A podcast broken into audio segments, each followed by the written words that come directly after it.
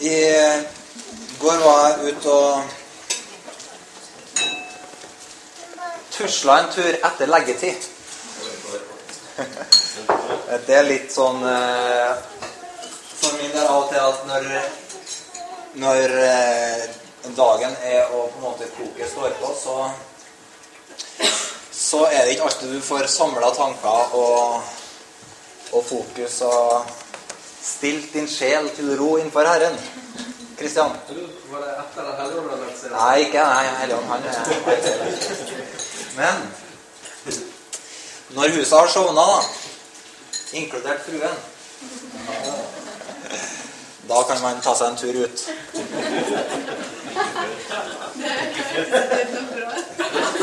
Det er bare, bare positivt. Lørdagskvelden, den Det er fantastisk. Fantastisk lørdagskveld over. Pizzaen er fortært. Vinneren i Melodi Grand Prix Junior er kåra. Freden har skjenka seg. Da lokker gater og streder.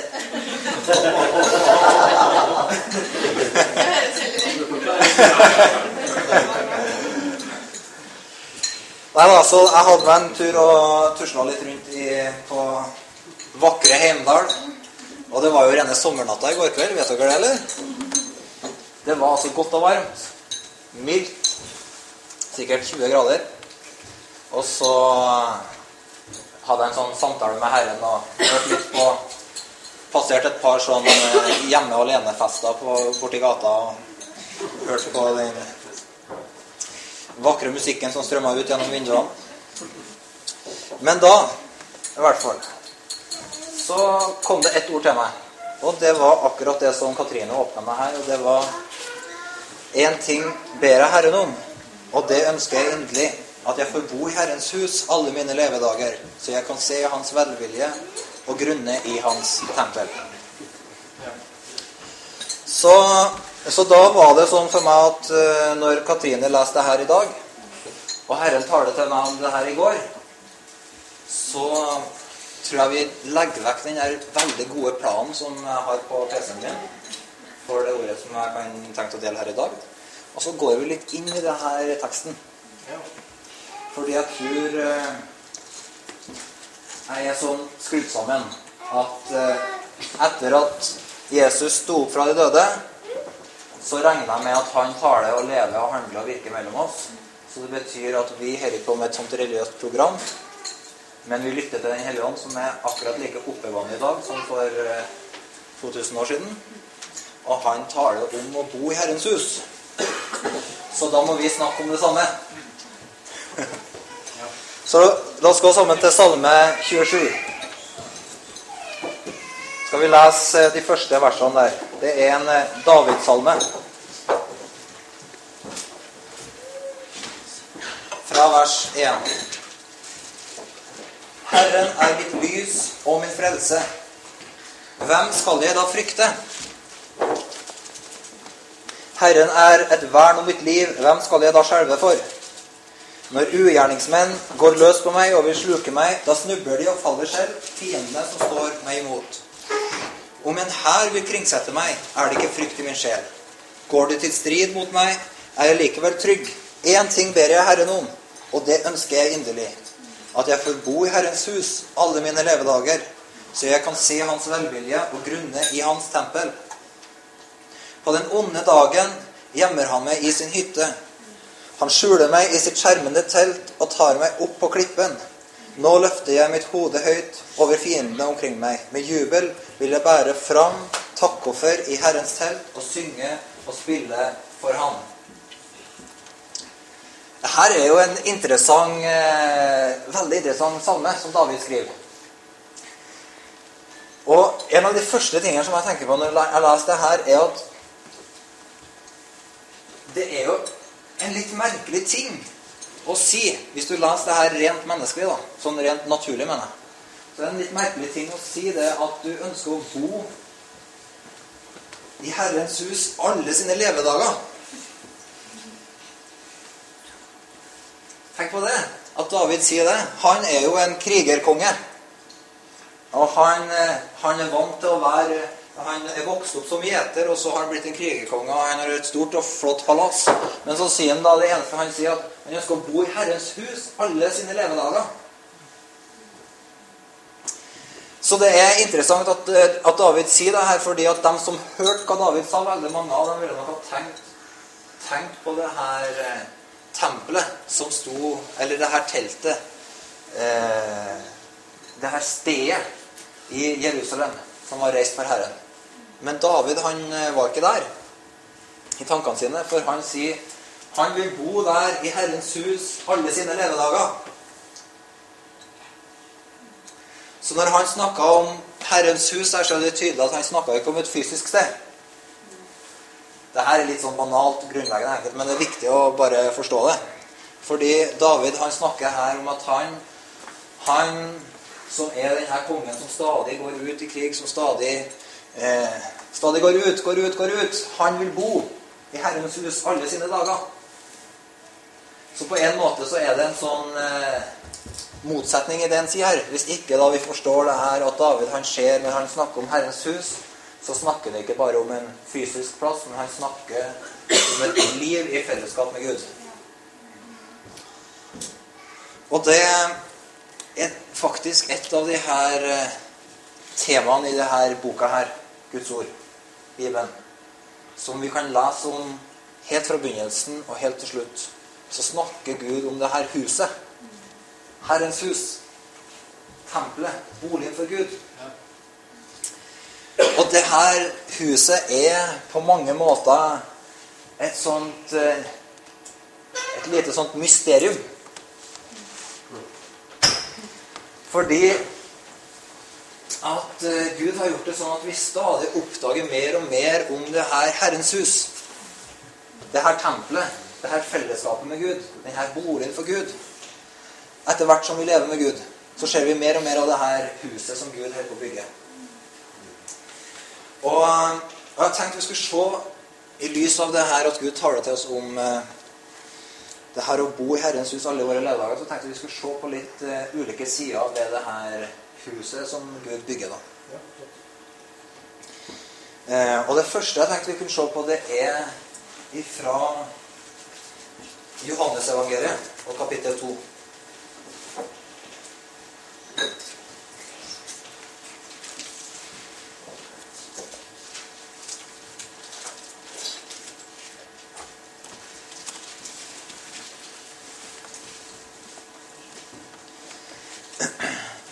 Vet du, når Jesus eh, levde og tjente i Israel, så, så var bevisstheten rundt tempelet eh, utrolig høy i det folket han var en del av. Og Jesus han eh, sa av og til ting som provoserte voldsomt. En av de tingene han sa i møte med folk som skrøt av tempelet, som skrøt, har du sett hvor fint det her tempelet er? Så sa Jesus vet dere, på tre dager skal jeg rive det her tempelet ned og bygge det opp igjen. Nå, Én ting er å si Vi skal lese det her, da. Litt senere, Men én ting er å si at du skal bygge opp igjen et eh, hus som er blitt bygd på i 46 år, eh, på tre dager. Men noe annet å si at du skal rive ned det tempelet som er Guds hus. Mm -hmm. Du kommer til, til, et folk som sier det viktigste i livet vårt er det her huset, det her tempelet. Og så sier Jesus 'Jeg skal rive det ned'. Skal vi lese den historien? Det var nå like før jødenes påskefest. Og det er fra vers 13 i kapittel 2 i Johannes-evangeliet. Det var nå like før jødenes påskefest, og Jesus dro opp til Jerusalem. På tempelplassen traff han på dem som solgte okser, sauer og duer, og pengevekslerne som satt der. Da laget han seg en svepe av tau og drev dem alle ut av helligdommen, og sauene og oksene deres med dem. Han strødde pengevekslernes penger utover, velte kornet deres og sa til dem som solgte duer, bort med dette, gjør ikke min fars hus til en markedsplass. Ok? Så her er det dramatikk. Og så står det hans disipler mintes da det som står skrevet. Så Jesus han driver ut eh, en del sånne kjøpmenn ut av tempelet i, voldsomt sinne. Og så kommer disiplene på en ting. Det står skrevet en ting om Jesus for lenge siden i denne skriften som de kjente så godt. Så står det 'brennende iver for ditt hus skal fortære meg'. Mhm. Så Jesus hadde en sånn brennende iver for Guds hus. Og når det står her at denne iveren for Guds hus skulle fortære Jesus, så handler jo det at den iveren som Jesus hadde for Guds hus, den brakte han til korset. Den fortærte han. Ok? Vi skal se mer på det videre nedover her. Jesus, nei, Da tok jødene til orde og spurte han Kan du vise oss et tegn på at du har rett til å gjøre det her?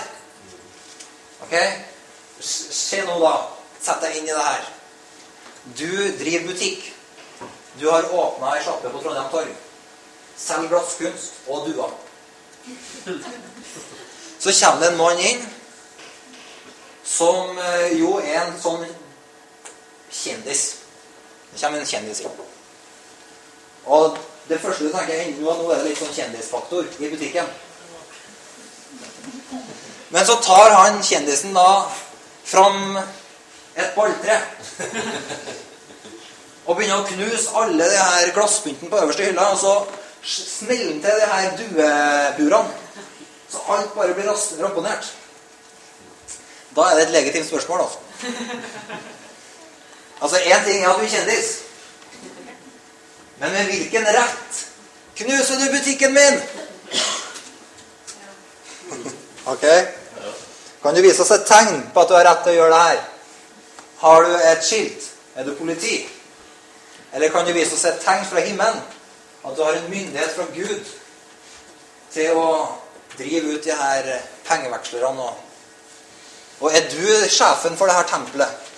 Så du har rett til å si hvem som skal være her og ikke.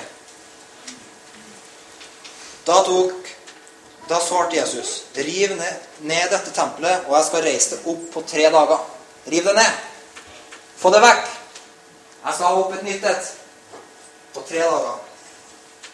Så sier de i 46 år har de bygd på dette tempelet, og du vil reise det opp på tre dager, sa de.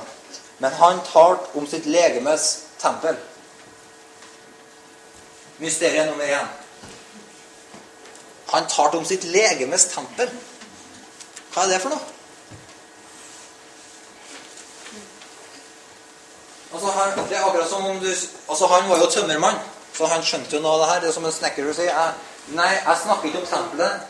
Jeg snakker om det her kroppshuset. Han talte om sitt legemes tempel.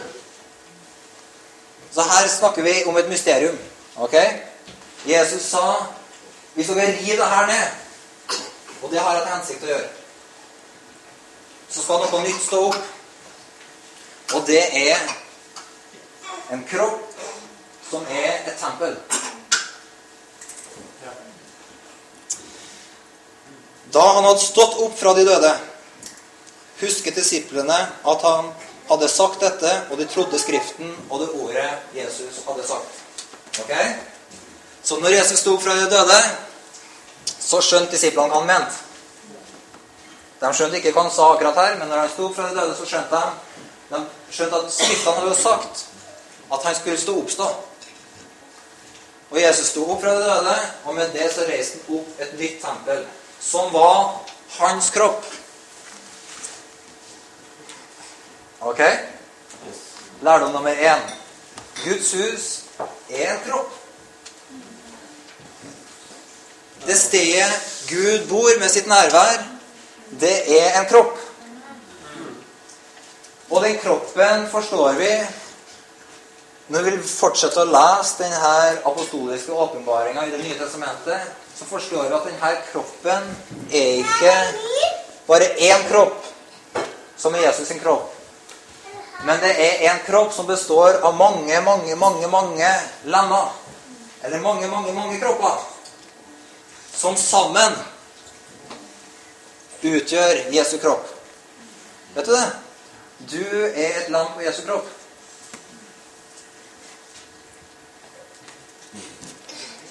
Eh, la oss gå sammen til 1. Peter, eh, 1. Peters brev og kapittel 2.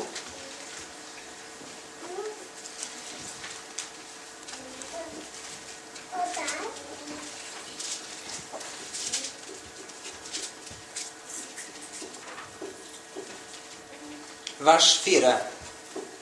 Så sier Peter, snakker han om det her huset, eller denne kroppen. Og så sier han Kom til Han, altså kom til Jesus, den levende stein som vel ble vraka av mennesker, men er utvalgt og dyrebar for Gud. Og bli selv levende steiner som bygges opp til et åndelig tempel. Bli et hellig presteskap og bær fram åndelige offer som Gud gjerne tar imot ved Jesus Kristus. Så her sier Peter Det er på en annen måte han snakker om dette her samme huset som en kropp. Og så sier han ikke bare at du er en kroppsdel på Jesus sin kropp, men han sier du er en stein. Når du kommer til Jesus, så blir du stein. Det er evangeliet, vet du. Kom til Jesus og bli stein. Og så forstår vi her at Jesus han holder på å bygge et tempel. Og han holder på å reise opp en kropp. Og det er akkurat det samme. Det er det her huset for Gud. Det er den her, det her, det her kroppshuset, det her tempelet som er en kropp. Og Bibelen bruker sånne motstridende ord som kan virke veldig sånn forvirrende, men det er akkurat som Gud holder på å formidle noe da, som er litt vanskelig å forstå med, med nøtta, liksom. Du får noen sånne paradokser oppi hodet. Men Gud holder på å formidle noen sånne åndelige realiteter som han er veldig opptatt av. For han snakker om det her huset, denne kroppen, gjennom hele boka si. Så hvis vi går tilbake da til denne Salme 27, så leser vi om David som bor i Herrens hus. Skal vi lese sammen fra vers 4. Én ting ber jeg Herren om, og det ønsker jeg inderlig, at jeg får bo i Herrens hus alle mine levedager, så jeg kan se Hans velvilje og grunne i Hans tempel. Tenk på det. Når du blir en del av Jesu kropp, når du blir en levende stein og bygges inn i det her huset fra Gud, så kan du si som David at, at du kan bo At én ting ønsker du å bo i Herrens hus alle dine livs dager. Så med en gang vi ser Guds hus, så forstår vi det at vi trenger å være en del av det her fellesskapet som er et hus for Gud. Vi trenger å være en del av det her byggverket. Vi trenger sjøl å være levende steiner, men du vet, uten de andre så er vi ikke det her huset. Så det er kun i det her fellesskapet, det her huset, det her menigheten som Gud bygger, at du får del i Guds nærvær. Tenk på det. Når David lengter til Guds nærvær, så snakker han om Guds hus. Når du har en lengsel i ditt hjerte til Guds nærvær, ikke gå i kloster. Ok? Det er et blindspor. Gå inn i Guds hus. Gå inn mellom søsken. Finn fellesskap. For der er Guds nærvær. Der mettes din sjel med alt som er godt. Hør hva som skjer når han beskriver dette livet i Guds hus. da. Vet du, Det å være en del av Guds familie, Guds hus, denne kroppen, det sparer deg ikke fra å bli utsatt for ting som er dårlig. Bare hør hva David sier. På den onde dag gjemmer han meg i sin hytte. Han skjuler meg i sitt skjermede telt og tar meg opp på klippen. Så David, han, han erfarer den onde dagen. Ok? Men på den onde dagen, da, så erfarer han Guds hus. Som han sier, på den onde dagen så gjemmer han seg i min hytte. Tenk på det. På den onde dagen så fins det faktisk i Guds hus, imellom søsken, i Guds familie, så fins det et vern.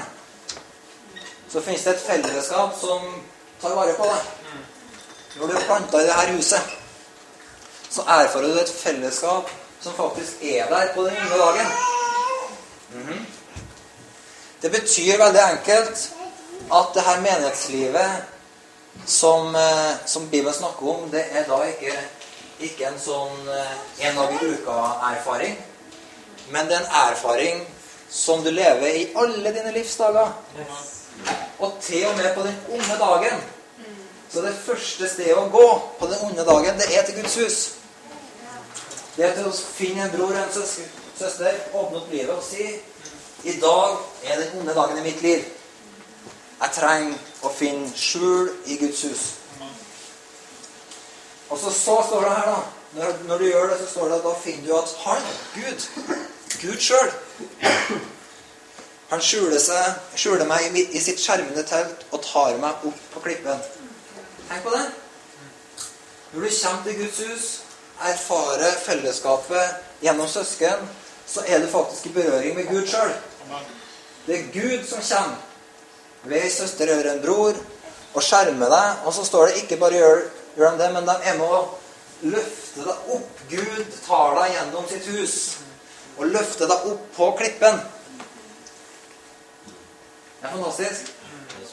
Du kommer til noen gode søsken, og du sier Alt i livet mitt er rocka. Det jeg trodde og håpa på, det falt i grus. Ting ble ikke som jeg hadde håpa. Jeg føler at grunnvollene i livet mitt er, er rysta. Jeg forstår ikke ting lenger. Ting henger ikke sammen. Jeg finner ikke mening i ting lenger. Og så sitter du sammen med søsken, så kommer Guds nåde til deg. Fordi du har gått til Guds hus. Fordi du har søkt hjelp fra Gud ved ei søster og en bror. Så finner du faktisk det at det er med å løfte deg opp og sette føttene dine på klippen. Så du kan kjenne det at, at Gud gjennom sitt hus førte føttene dine opp på fast grunn. Og så du kan si, da, som David sier her i fortsettelsen og Det er veldig oppmuntrende. Nå løfter jeg mitt hode høyt, og fiendene omkring meg eh, Over fiendene omkring meg, ja. Med jubel vil jeg bære fram takkoffer i Herrens tall og synge og spille for Han. Fantastisk. Her har du tidenes dårligste dag. Det er den onde dag. Fundamentet i livet er rokka. Og så kommer David til Guds hus. Eller du kommer til Guds hus. Så finner du fellesskap, trøst, hjelp, oppmuntring, ryddehjelp. Og så kjenner du å, livet mitt, det er fundert på fjell. Jeg står sikkert. Og så begynner det å spille en annen melodi i livet ditt, som er takkesang. Lovprisning. Løfter du hodet ditt fordi du har gått til Guds hus, drukket av Guds kilder, så løfter du hodet ditt, og så synger du en takkesang til Gud. En seierssang. De her tingene, de her utfordringene som reiser seg mot meg, de her fiendene som ønsker å ta meg, gjør dagen min dårlig. Nei, jeg har en takkesang i hjertet mitt. Jeg har funnet hjelp i Guds hus. Så det er visdom. Læring nummer én. Gå alltid til Guds hus på den onde dag. Mhm. Og når du gjør det, så erfarer du at Gud løfter deg opp. Ikke i et sånt eh, Ikke ved et sånt svermerisk mirakel. Alle som har en tøff dag, vil helst sitte på rommet sitt på senga og oppleve at Gud sender en engel eller et under eller bare et sånn lite, et lite smell som gjør at alle vanskelige ting forsvinner. Ok? Har du opplevd det? Og så vet du det at på denne dårlige dagen så er det siste du vil, det er at alle andre skal skjønne at du har verdens dårligste dag. Men hvis du har sett måten Gud gir deg hjelp til, så tenker du at ok, jeg må til søsken. Fordi jeg må ha hjelp fra Gud. Gud er den eneste som kan hjelpe meg. Derfor må jeg inn i Guds hus. Og så finner du Guds hjelp gjennom søsken, og så står du på klippen og fylles med takkesang. Så det er en side av livet i Guds hus. La oss gå tilbake til Johannes evangeliet og kapittel 2.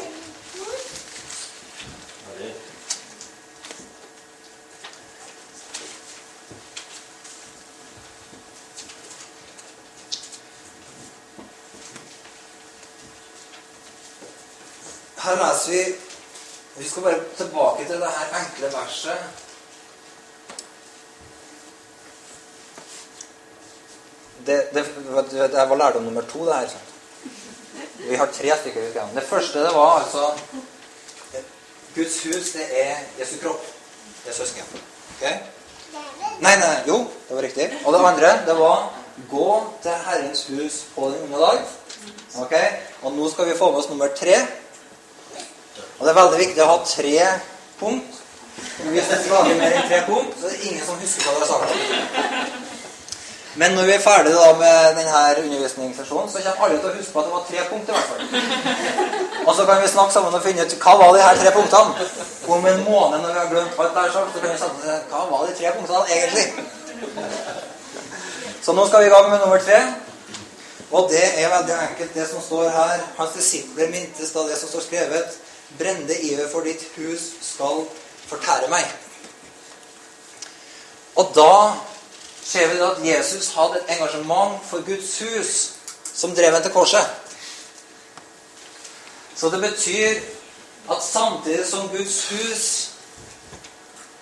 er stedet vi kan gå til både på den gode og den onde dag og finne forfriskning, liv, hjelp, trøst, visdom, nåde fra Gud, så er, har dette huset ikke bare betydning for alle mennesker, men det har betydning for Gud.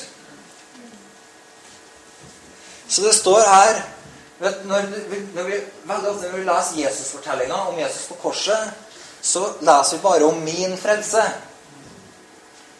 Jeg ble frelst da Jesus døde på korset for meg. Men faktisk så setter Bibelen det inn i et mye større bilde. Jesus på korset handler om at Jesus hadde en brann i hjertet sitt om å se Guds hus. Jesus døde for at Faderen skulle få sitt hus. Brennende iver ikke for vårt hus, men for ditt hus. Far. Fars hus. Det var Jesus sitt hjertelag. Så da forstår vi med en gang at det her huset, det er ikke bare vårt hus, men det er først og fremst Guds hus. Som bringer inn et helt annet perspektiv. da. Det her huset som er en kropp, som er Jesus sin kropp, det er noe som Gud ønsker. Og som Gud faktisk har veldig mange tanker omkring, og som gjennom hele Bibelen kalles for Guds hus. Og det er sånn vet du, hvis eh, du kommer inn i mitt hus La meg fortelle en historie. Vi bor i borettslag. Og vi bor i første etasje. Ground level. Bakkenivå. Og så har vi veranda ned på plena ut på lekeplassen. Og der er det sånn at våre unger de springer jo inn og ut der. Så alle ungene i nabolaget har jo skjønt at der er det en sånn en sånn inn- og utvei. Du kan, hvis det er hvis vi ønsker å være inn, så springer vi inn den døra. Hvis vi ønsker å ut, så springer vi ut den døra. Skal vi på do eller ha et glass vann mens vi er på lekeplassen, så er det den nærmeste doen og det nærmeste vannhullet, kan du si. da. Så vi har da sånn eh, en sånn trafikkåre, da, spesielt på godværsdager, hvor det da til tider kan bli rimelig sånn trafikkert. Og, og utfordringa er når på en måte du opplever da at lekerommet, da, som er liksom rett inn fra verandadøra. Så kan du gå rett, hvis du går rett fram, så kommer du på lekerommet. Når det da tømmes og befinner seg mer ut på lekeplassen enn inn på lekerommet, så oppdager jeg at nå har trafikken blitt litt for tett. Men det som skjer, da, det er at eh, når da to, tre, fire har oppdaga at her går det an å komme inn og få seg en doskål og et glass vann, så øker trafikken, for alle skjønner her er det da rom for å gå inn. Så vi har oppdaga det at vi må begynne å si noe.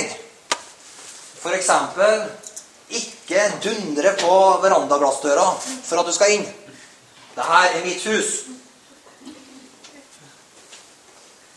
Ok? Du, femåring, uforskamma unge, som står og dundrer på døra. Ikke har sunt liksom, Du har ikke noe oppdragelse med deg hjemmefra. Du har bare lært av mine unger at det er sånn du kommer deg inn. Du uforskamma unge, det her er mitt hus. Slutt å banke! Spør før du går inn døra. Ikke bare hopp i sofaen og forvent at du skal få spille siste Cars 2-spillet på PlayStation. Nei, spør! Og ja, et ja, et ja, et nei, et nei. Det her er mitt hus. Det er ikke ditt hus. Det er mitt hus! Ut! Nei da. Nei da. Velkommen inn.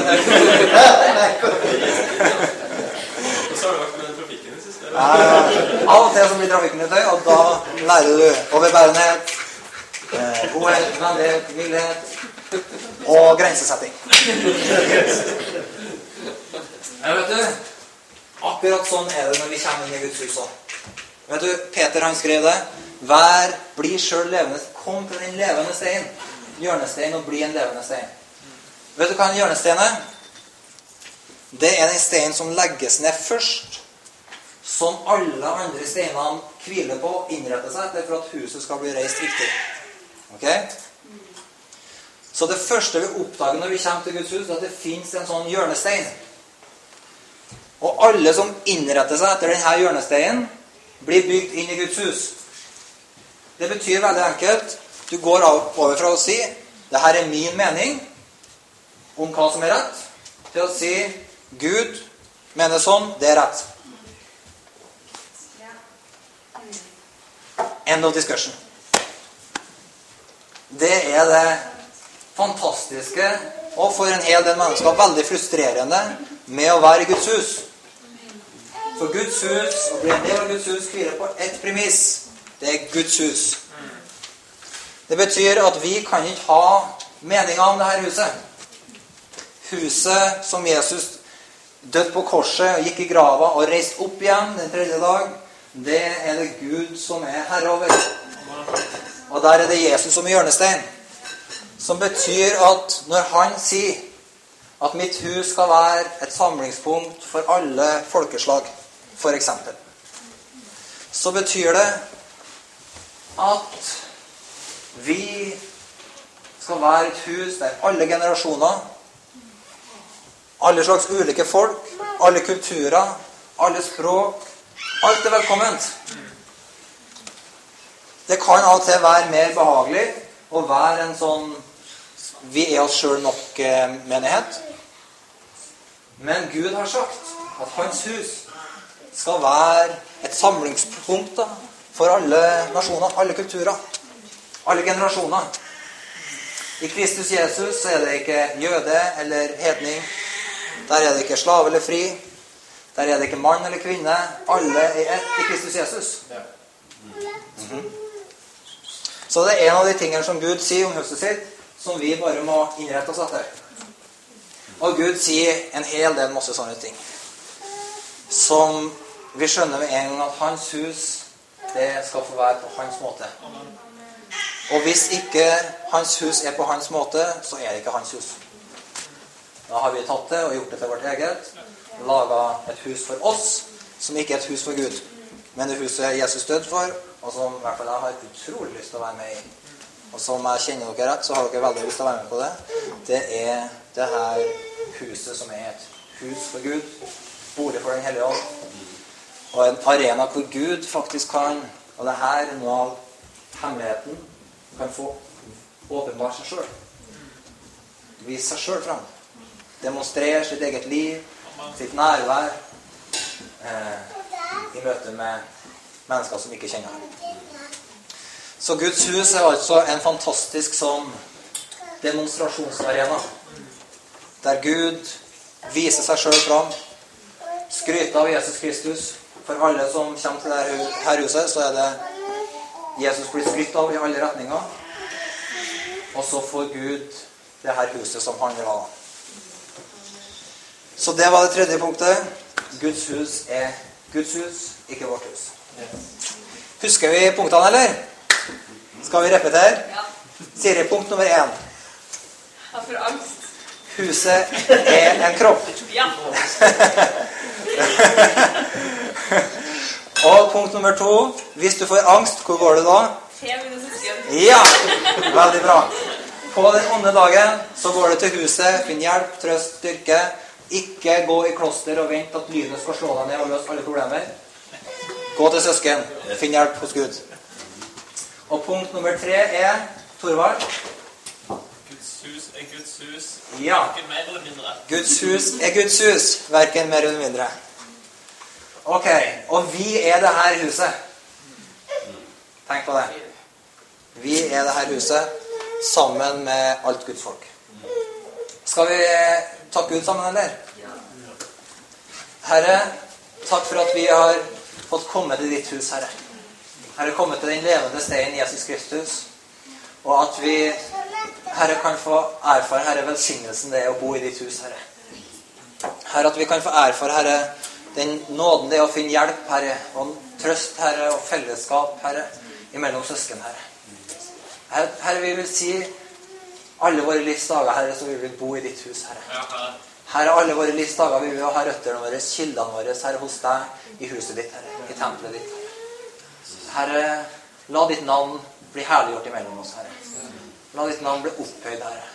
La ditt navn bli tilbedt. Og Herre, ved dette huset som du bygger i Trondheim, Herre, ikke bare mellom oss, men mellom alt ditt folk i Trondheim, Herre, la ditt navn bli løfta høyt og holdt i ære i byen, Herre. Gjennom ditt hus, Herre. Og Herre, Herre, vi elsker dine veier, Herre. Herre, takk for din nåde, Herre. Takk for en fantastisk dag, Herre. Takk for fantastiske søsken, Herre. Og, og takk for at du er en fantastisk far i himmelen, Ja. Vi, vi elsker deg, far. Amen.